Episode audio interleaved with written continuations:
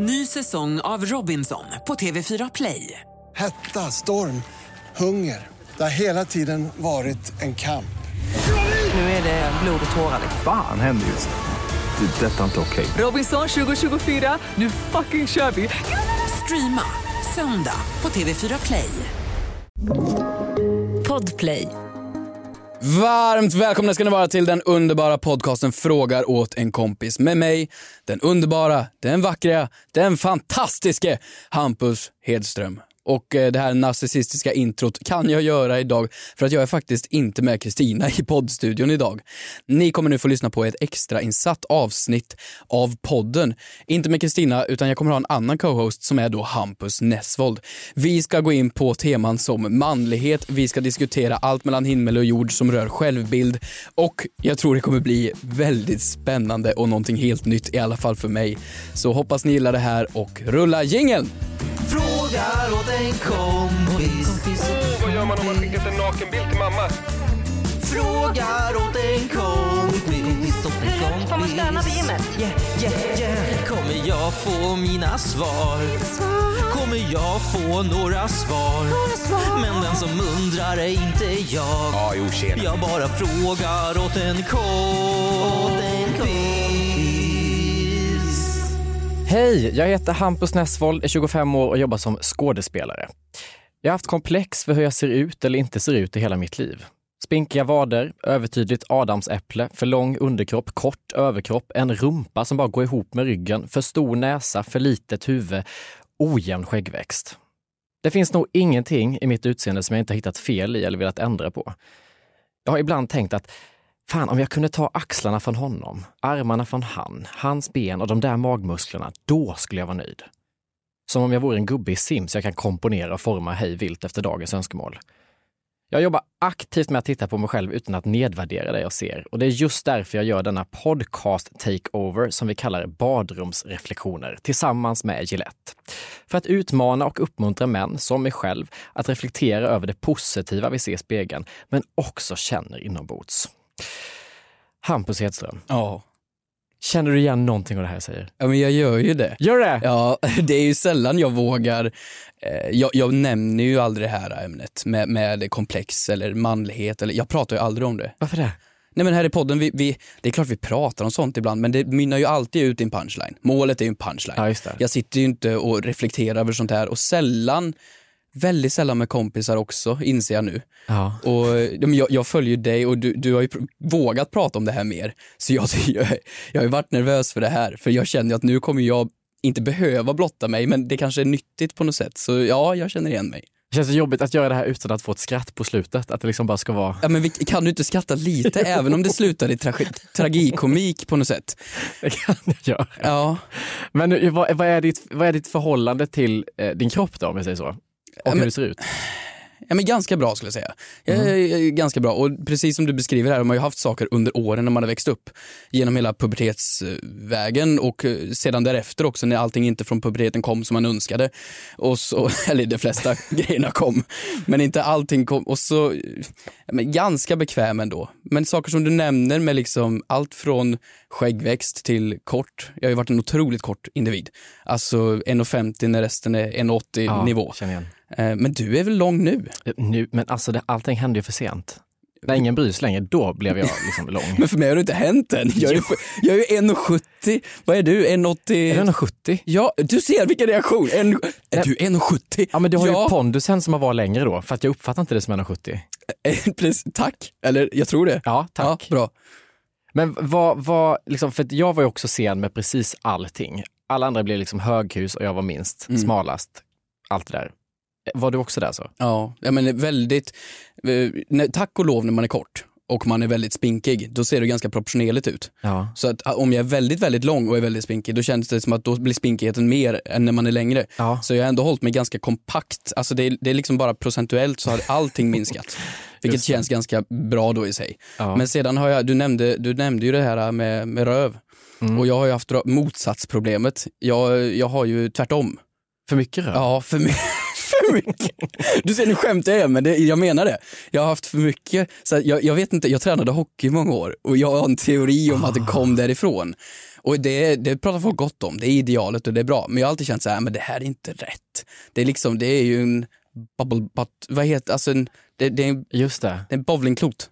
Men då har du fått beröm för din rumpa och uppskattning ändå för det, men du själv har känt att nej, Nej, Jag håller ju inte med om berömmet, det är ju det. Okej. Så, så även om jag får det så känns det ju inte helt rätt ändå. nej det måste komma inifrån. Ja. ja, just det. Mm. Men har du haft komplex och reflekterat över det här när du växte upp att du var liten eller har det bara varit så? Ja, men jag, var, jag kommer ihåg alltså när jag var typ, vad kan jag ha gått i, sexan, vad är man då, 12? Ehm, och så var jag så ledsen för jag var kort. Alltså jag var verkligen uppriktigt ledsen. Så jag kommer ihåg att jag låg nere i soffan hos mina föräldrar och bara grät. Nej. För att jag var så Nu när jag tänker tillbaks på det så är det så här, men varför, varför jag gjorde jag det? Men det var så viktigt. För att man kände sig inte lika stor och stark som de andra snubbarna. Och de andra som liksom kunde ta för sig mer. Och eh, ja, jag grät ut över det för att jag Hur var... gammal var du då? Jag var 12 då, måste jag ha varit. Ja. Och det, nu när jag tänker, det var lite sorgligt faktiskt. Jag grät ju också för att jag var smal. Mhm. För att jag var så liten, för det känns som att i den åldern, 12 år, Mm. 13, 14, då var det som att man hävdade killar emellan manligheten väldigt mycket. Mm. Det var ett sätt att mäta liksom värdet i att den är lite bättre liksom, än alla andra om den är större, starkare, mer, alltså den har makten. Ja, ja, gud, i klassrummen var det ju mätningar av alla möjliga slag. Alltså längd och, och allt Ja. möjligt, vad man har fått och inte fått och vad som var längst och vad som var kortast. Alltså, det, var, det var mycket sånt. Och jag har ju alltid liksom hållit mig undan, så jag var ju proffs på att duscha. Jag har ju duschrekord för att jag spelade ju hockey och så var det ju gympan. Eh, så när jag, eh, har du spelat hockey? Nej! Du, Nej! Ser ut som en person som spelat hockey. gör jag det? Ja men mer.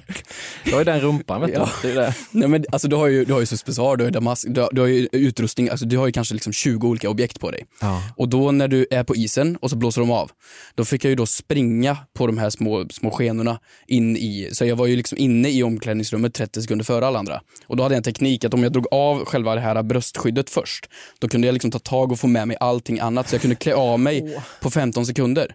Så innan alla hade kommit in i omklädningsrummet, då var jag redan i duschen. Och så körde jag liksom på sån här, vad heter det, när schampo och Ja. tvål är blandat i ett. Så bara hällde jag det över mig, duschade kallt som tusan för jag hann ju inte vänta på att det blev varmt i duschen. Och när första personen gick in i duschen, då drog jag handduken runt mig och så gick jag iväg. Alltså, och så här var det liksom under, ja det är tio år, från när man började duscha på gympan tills när man slutade med typ sport.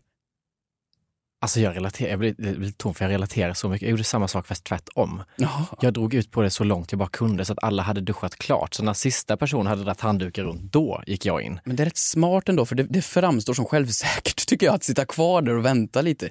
Ja, det kanske det gör. Ja. Jag kom ju sent till alla lektioner efteråt också. Jag fick ju skit för det. Men det var som att jag var, det är värt det. Bara jag slipper det här duschmomentet. Mm. Nej men duschmomentet var hemskt. Jag hade ju eftersvettningar. För att man, man, om man har gjort en sport och så springer man iväg och duschar och gör allting på 10 30 sekunder så kommer du tillbaks. Då har ju kroppen fortfarande inte slutat svettas. Nej. Så att jag, hela duschningsmomentet var ju förstört. Så jag svettades ju liksom en hel sportomgång efter duschningen också då.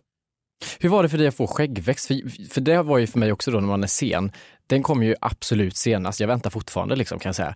Den har inte trillat in utan min, jag ser ut som så, jag brukar säga shaggy Scooby-Doo. Det kommer ett hår här, ett här, här. Så jag bara rakar av allt för att inte se. Jag får se nu, du kör, jag ser inte bakom micken här. Det är, ja, men det är slätrakat nu, hyfsat. Helt, Mm. alltid. För att jag kan inte bära det här liksom ofixade. Hur var den upplevelsen för dig? Men jag var ju så stolt när det första kom. Ja, det var det. Det var ju typ, ja, det var ju någon gång i gymnasiet, måste det varit tvåan kanske, första Ja. strået. Och det, var ju, det börjar ju oftast på mustaschen liksom, så här ute. Ehm, men det, jag har ju problemet nu, att jag har ju ett dilemma att jag vet inte vart jag ska göra av det här. För alltså nu har jag ju, jag har ju fint liksom det här, vad, vad säger, hakpartiet. Just det. Ja. Det är tjockt, det är som en filt. Mm. Och mustaschen, alltså absolut, men det hänger inte ihop däremellan riktigt. Och sedan när du går ut mot käkarna där, där det är svårast, Mm. där ser jag ju sjuk ut. Så då vet jag inte om jag ska, jag kan ligga på fina två millimeter. Ja. Och då blir det jämnt överallt. Men då ser det lite smutsigt ut som eftermiddagsstubb. Men jag kan inte slätraka mig för då ser jag för ung ut. Så då går jag, då, kortheten och helt slätrakat funkar inte för mig. Du kan vara slätrakad för du är lång. Så, det här är mina tankar jag ja, har i alla fall. okej, ja. Ja, men jag kan inte heller låta det växa på. För då blir det så tydligt att kinderna inte alls med. Men det här att ha över läppen och sen hakpartiet bara, är inte det jättemodern liksom, eh, skäggfrisyr? Men då måste man vara väldigt bekväm. Då måste man liksom kunna, alltså om vi kollar på vår underbara klippare, han har mustasch. Och han, han kan ju, Ja, han bär den. han bär den så bra.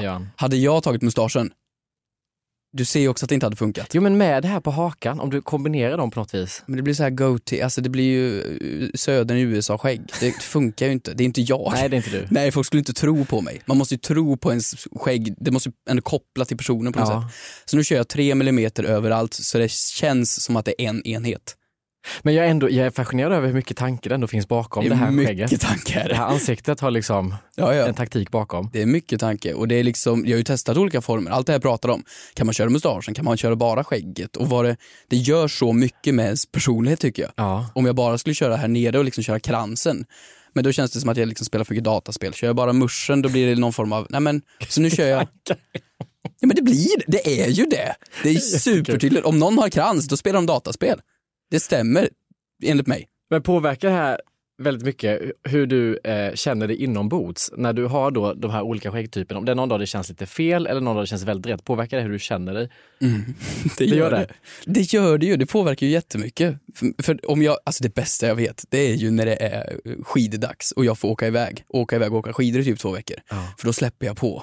Och det får bli liksom äckligt. Ja just det, det bara får växa fritt. Alltså det får är växa Robinson liksom. Ja, ja, ja. Det, är- det är så mycket i mitten, ingenting där ute och så bara virvlas allt ihop i liksom den här eh, ja, mufset som blir. Ja. Och så får jag ta av det och sedan se den här, eh, jag får se mannen i vitögat. Och det är en sån skön känsla. För att jag vet att ingen annan kommer behöva se det här. Bara jag kan nu njuta av mitt, mitt manliga, mitt manliga buske i ansiktet. det är det du njuter av då, att du känner dig så extremt manlig. Ja. ja det finns njutning i det. Ja, och i och med att jag får göra det själv, då behöver jag inte vara obekväm att ah, men det här ser ju för jävligt ut, vilket det gör. Ja. Det ser ju hemskt ut. Men jag för mig själv får i alla fall bevisa att, ja just det, men jag är ju ändå en snubbe. Vad skönt. Du, försöker du knäppa av några snygga bilder då liksom och göra någonting? Nej, Eller, det vågar jag inte. Jag Nej. vill inte ha bevis på det här. ju. Gud, det kan ju användas mot mig. åh. Men gör inte du det? Står inte du och liksom testar olika, vart växer det mycket, har du mycket haka? Eller Nej har- men Hampus, jag har ingenting. Nej, ingenting alls? Alltså det är, så, det är så fläckvis liksom. Jag ser sjuk ut när jag låter det växa. Det, alltså, jag har också försökt det här, liksom, hakan och mustaschen och så det gjorde jag förra sommaren, skickade till en kompis och bara, men gud vad håller du på med? Du ser ut som en tysk techno-DJ, ta bort det. Så att liksom, Jo men det är jag menar, då ser man ut som en, hmm. ja, jo, det Det gör verkligen det. Men vad vill man med att det, det känns ju ändå som att det är, nu har jag gjort den här eh, podcast-takeovern i två andra poddar också och det som är genomgående är att det är väldigt viktigt med ansiktsbehåring låter det som. Alltså det är viktigt för, jag vet inte vad. Vad står det för för dig? Är det någon manlighet då det kopplas till? Ja men är det inte att man, man tänker på sin far? Det, det måste Sin ju- far? Ja, men sin far och sin farfars far. Men man, man tänker ju på de här gamla mm, bilderna man har av, att någon står med en rakkniv liksom, och, och, och rakar liksom, tufft, kärigt. Liksom, det, gamla, det gamla sättet att ha ett, att ha ett skägg som du sedan slätrakar för att det ska vara fint. Det finns ju någon grej i skägg som är Eh, som ligger kvar hos farfar och farfars far som man vill leva upp till på något sätt själv. Som jag står och reflekterar över att jag vill också vara en del av den, den delen i generationen som går neråt. Och vad är det du vill vara en del av då? Vad är det du liksom romantiserar? Men jag romantiserar väl i det. Varför är skägg så viktigt? Jag vet inte, varför är det det? Egentligen, det är ju ingen skillnad mot ögonbryn egentligen, det är bara hår i ansiktet. Men det är spännande för det är det man också lägger märke till, att du ändå så tar in eh, din podcastklippare också här, och har tänkt att den mustaschen, han bär upp den, han har det. Men hur mycket har du tänkt på hans ögon? Ingen aning om vad han får det är. färg på ögonen. Alltså, ingen aning alls. Jag vet inte. Ja men om vi tar han som exempel igen här. Alltså, mustaschen är ju så tät. Alltså den är så tät. Men du ser att han har ju stubb runt. Ja, vilket det. säger, aha, jag kan skaffa skägg. Jag har egentligen ett mastodontskägg. Men jag, är så, jag har så mycket likviditet här. Så jag är beredd att ta bort det för att bara visa min mustasch. Det är det, det är det han gör på morgonen. Det är därför han har stubbet där. Så det ser ju lite som att, jag bryr mig inte. Fast han bryr sig som fan. Titta han nickar ju här nu också. han gör ju det.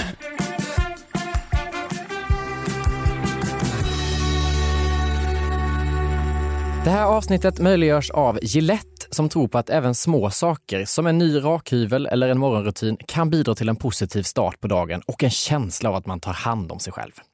Gillette har precis uppgraderat sina rakhyvlar och introducerar mattsvart och rostfritt stål i handtagen. Nya skarpare blad och bättre förpackningar. Kvaliteten på bladen är fortfarande 10 av 10 och alla blad passar på alla handtag så du kan mixa och matcha som du vill. Plastförpackningarna är borta och Gillette kör nu istället på fullt återvinningsbara och sjukt snygga kartonger.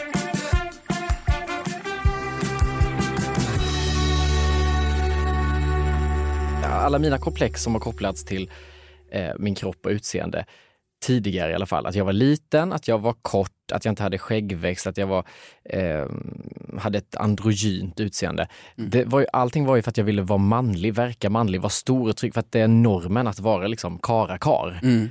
När man är förbi det, som jag har jobbat väldigt mycket med, så är det som att då släpper de komplexen, då blir det helt nya komplex. Vad skulle du säga att du är i den komplexresan? Är det fortfarande så kopplat till manlighet, att vara, framstå som manlig eller är det något helt annat? Vilken flummig fråga, förstår du? vad? Jätteflummig. Och det är jättebra för då kan vi komma in på vad som helst här. Nej men för att det, det handlar nog om att eh, det jag förknippar manlighet med eh, är på något sätt självsäkerhet.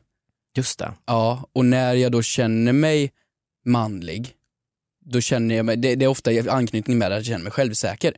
Så om jag har gjort någonting bra, jag har lyckats med typiskt manliga saker, jag har skruvat upp en bokhylla, jag har, jag har putt, sandpapprat någonting, jag har rakat mig med rakkniv här nu. Då känner jag mig självsäker och det är väl i anknytning till manligheten. Det är väl där det är. Men du, du, kan, du känns ju som att du kan så mycket om det här med be, begreppet manlighet. Vad är det? Och vad är definitionen av begreppet manlighet? För det känns som jag kan fråga dig här. Ja, nej men gud, nu blir jag expert på det. här. Det är jag ju inte. Men, men jag tror att eh, det håller på att formas om. Jag tror vi lever i en tid där manligheten är väldigt vilsen Mm. och där den söker på massa olika sätt. Ja, det märks när du pratar med mig. Det är väldigt vilsen, vilsen jävel. Vi har liksom den här gamla eh, stereotypa manligheten där man tänker att det är att vara händig, Mm. stor och stark, Självsäker. självsäker, Så jag är ett gammalt tänk här, är det du försöker säga? Lite kanske. Mm, lite grann.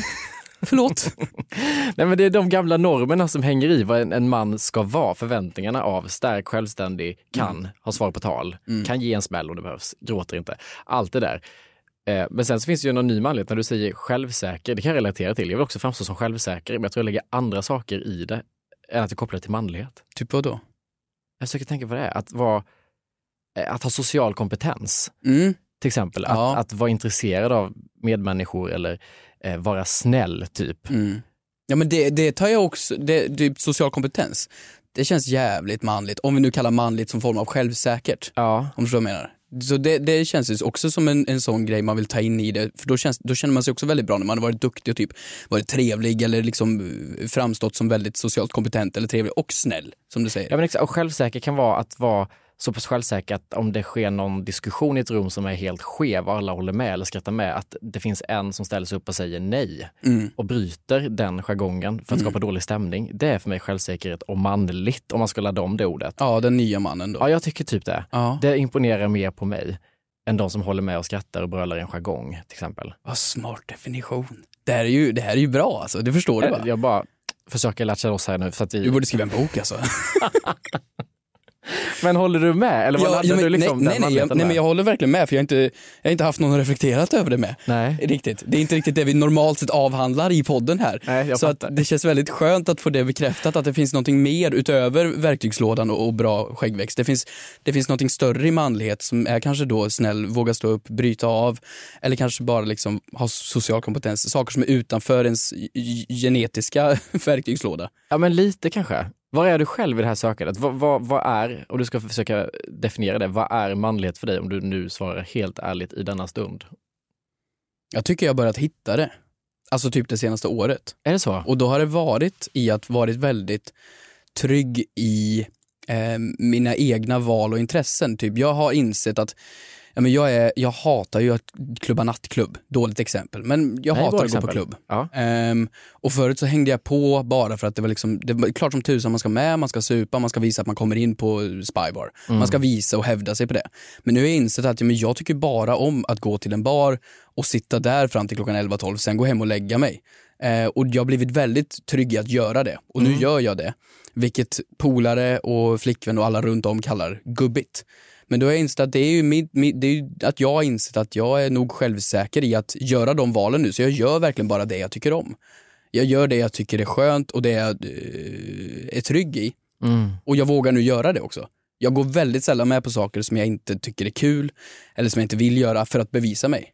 Och då har jag på Det något sätt bra. landat, alltså det här är typ de senaste sex månaderna, då har jag på något sätt landat nyss i att men jag är trygg. Ja, där har jag det ordet. Trygg. Trygg. Ja, jag är tr- nog trygg i mig själv för att våga göra saker jag inte vill eller eh, försöker inte hävda mig på andra sätt än vad jag tycker är kul. Ja. Mm. Men gud vilken liksom insikt. Ja, den kom nu. Det känns bra. Vi gör framsteg här. Ja, verkligen. Vad är det som har hänt senaste halvåret då som fick dig att hamna där? Nej men det är skäggväxten. Bara den faktiskt. Jävligt bra rakhyvlar. Nej, alltså. men nej, jag, jag vet inte. Det kanske är att man, man blev väl äldre. Jag vet inte. Eller att man, jag... Har du känt att det bara var något som klickade i liksom från en dag till en annan? Eller har du är aktivt arbetat på att det ska ske någonting? jag umgås bara med folk jag tycker om nu. Ja, det är fan en nyckel alltså. Ja, jag har tagit bort människor, eh, inte tagit bort aktivt, men de har fått runnit ut i sanden. Ja. Jag har nu, eh, jag, har, jag har fem vänner. Sedan har jag 50-60 bekanta, eller Mm. kompisar om man så vill kalla det. Men jag har insett att jag behöver bara de här. Och när alla andra försvann, då man behöver kanske vara lite extra trevlig eller extra manlig eller extra, nu insåg jag att man kan inte göra citationstecken i podd, ni ser. Men extra liksom visa sig på något sätt. Då, Ja. då blir man tryggare för att man behöver inte göra det för sina närmsta som man faktiskt bryr sig om. Nej, Det är så skönt om man är omgiven av folk där man märker att jag räcker till för den jag är. Jag behöver inte lägga till med det här. Jag behöver inte ha, om det så är följare på Instagram eller ett Mm. utseende eller status på olika sätt. Utan bara det jag är räcker. Det är så skön. Det kanske är det ordet då också. Trygghet och räcka till. För Ja. räcker man till, då känns det ju väldigt bra, det känns självsäkert och självsäkert ordet vi precis har gjort om från manligt. Ja. Så det är kanske det då. Men du då? Känner du det? Att du är där nu? Jag jobbar på det hela tiden. Jag tycker man hamnar i rum och situationer där man inte är just det här som du säger, trygg och för att, uh, känner lite på att man blir älskad och omtyckt för den man är. Och då Mm. lägger jag till med de här sakerna. I romantiska situationer kan jag lägga till med massa av de här manlighetsgrejerna, stereotypa manliga grejerna. Tar du fram en verktygslåda då? Ja, nä, alltså nästan på den Ja. nivån att skulle någon dejt fråga, fan kan du sätta upp min gardin så hade jag nog fejkat det. Men liksom, det kan ändå vara så att jag framstår som, jag är väldigt, väldigt, väldigt känslig och överanalyserande. Ingenting går liksom obemärkt förbi utan allt ska liksom malas ner på molekylnivå. Mm.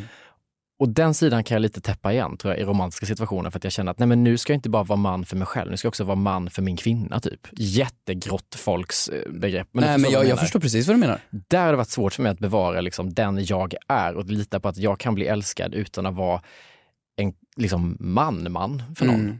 Det är kanske då du säger att när, man, när, när självsäkerheten och när tryggheten eh, inte räcker till, när inte den finns, det är då man tar fram de, den gamla manligheten. Ja, Det är då verktygslådan och eh, de gamla, det som var manligt förr tas fram för att kompensera upp för att självsäkerheten och tryggheten av den nya mannen inte räcker till. Då kommer den gamla fram. ja, för det är det man känner till då, går tillbaka till.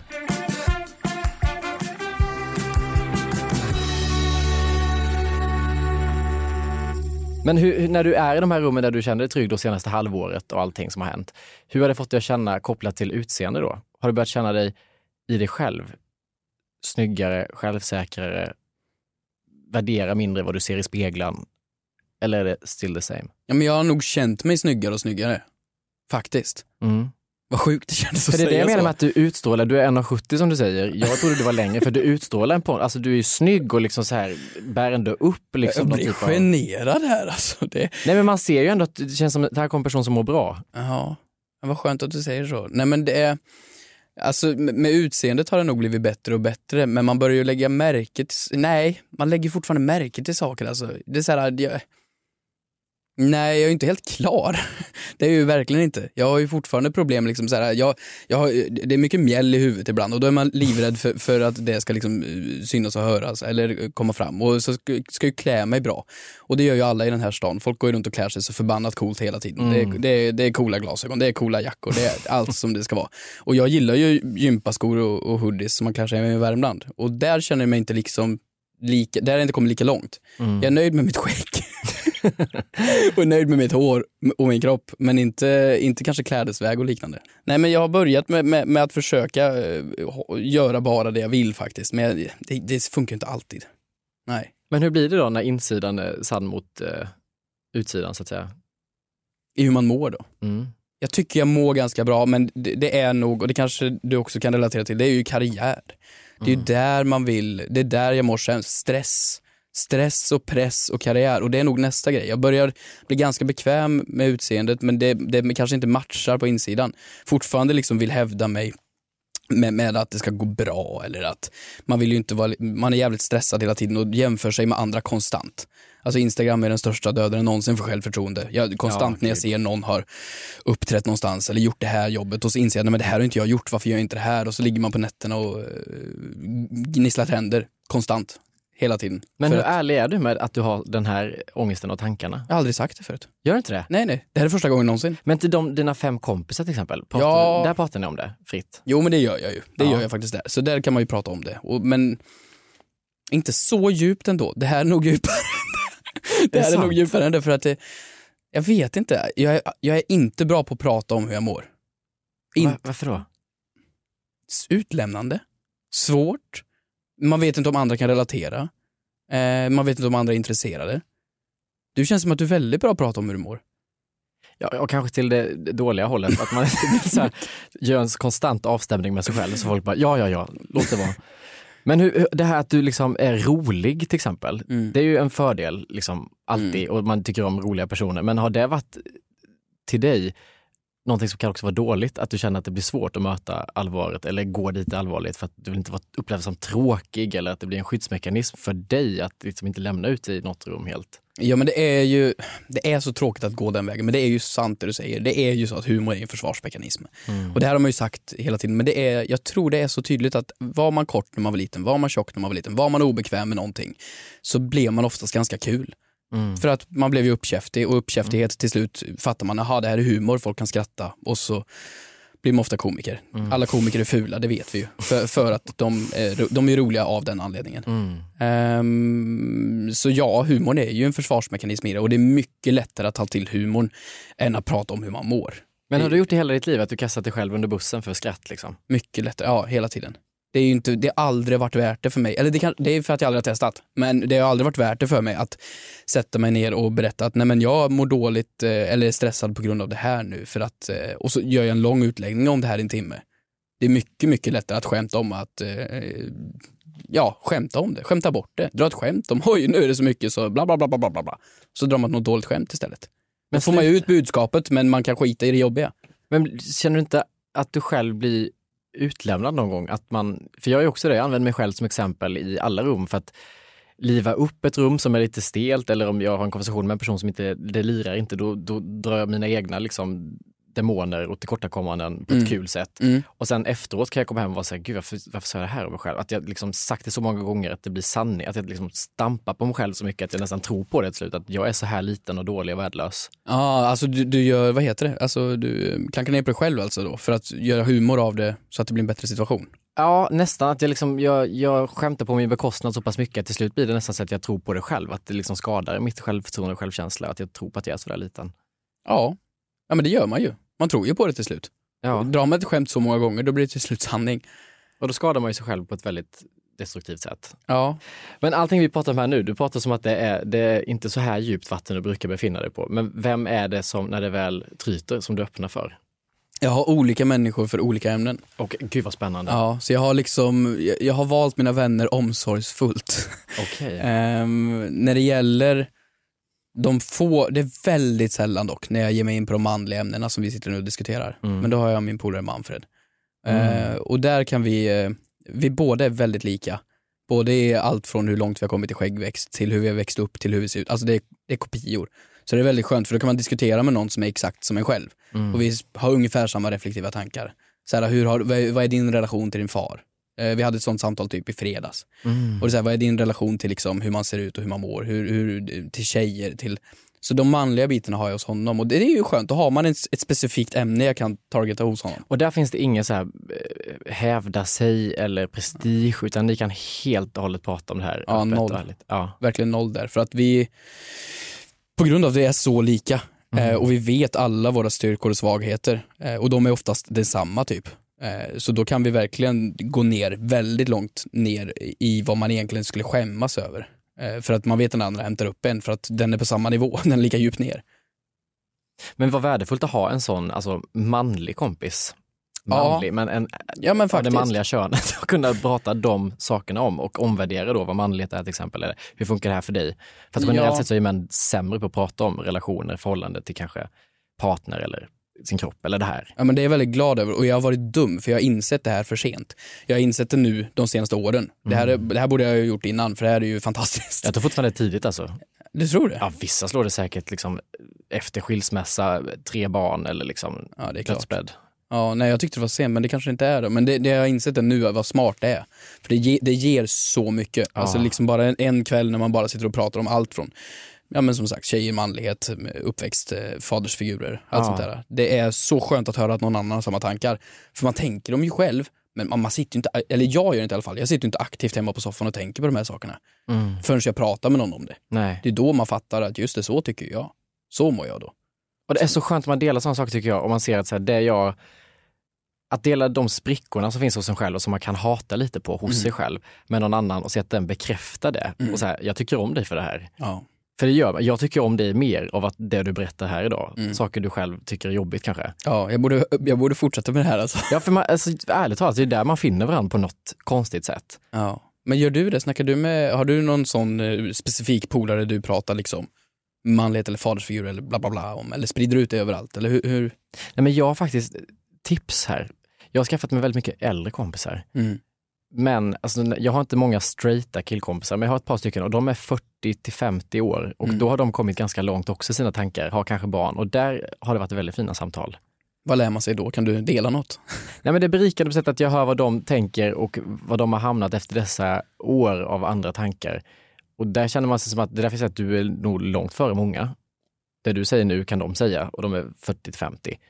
Så att, men jag blev väldigt glad att det här samtalet ens pågår. Det, här, det känns som att jag gjorde för 10-20 år sedan, det vet inte jag för jag var så litet barn. Gud, men det, jag tror inte att det var så här, i alla fall män emellan pratade med varandra. Nej, inte på det sättet i alla fall. Man, man, man diskuterade nog bara saken. Ja. Alltså tinget som kändes jobbigt, men man gick aldrig in på anledningen varför. Eller hur det faktiskt får en att må, eller hur, vad man ska göra åt det och så vidare. Eller om det är okej eller inte. Exakt. Det, där är vi nog nu. Men varför fokuserar man på så mycket dåligt, tror du? Med sig själv. När jag pratar om det här med utseende så kopplar jag direkt till ja, men din stil som du reflekterar över, hur skägget, allting som, hur det inte ska vara för att då framstår jag så här, längden. Har du svårt för att se det positiva, både på insidan hos dig men också hur, liksom, ditt utseende? Men man diskuterar ju det negativa, ja, men dels för att det är lättare. Mm. Det, det vore ju sjukt, det, eller sjukt, det kanske inte vore så sjukt. Men om någon skulle fråga dig, ja men hur mår du över ditt utseende? Ja men så fa- fantastiskt alltså. Jag är ju så snygg och min panna är ju det absolut bästa jag har och mina ögon är ju klarblåa så jag mår så bra. Det hade varit så uppfriskande Det om har någon ju det. aldrig någon sagt. Någonsin. Och då hade man ju tänkt, det här är en sjuk människa. Om någon hade sagt det. Men det kanske egentligen är ganska Jag hade friskt. älskat att någon sa det. Fy fan vad skönt om det det, det är väl skönt att gå till, det är därför. Det är väl tryggt att trycka ner sig själv först. Det är väl därför. Och sedan kanske när man har gått igenom att eh, bla bla bla, då, som vi gör nu, då kanske man till slut vågar säga att "Nej, men jag är nöjd över det här och det här. Och det, det, det kommer väl. Fan jag blir glad av det här samtalet. Mm, tack detsamma verkligen. Det var väldigt givande. Det var skönt att du tänker ganska, du tänker positivt om dig själv när du ser i spegeln. Men jag gör ändå det. Du värderar inte ner det. Mm, men lite mer skägg på kinderna vill jag ha. Ja. ja, men vi alla måste sträva efter någonting. Tack snälla för att du fick ta över den här podden. Tack så jättemycket för att du var med. Det var väldigt givande. Det var väldigt mysigt. Och stort tack till Gillette. Vill ni veta mer om Gillette så kan ni också besöka gillette.se. Ha det gott!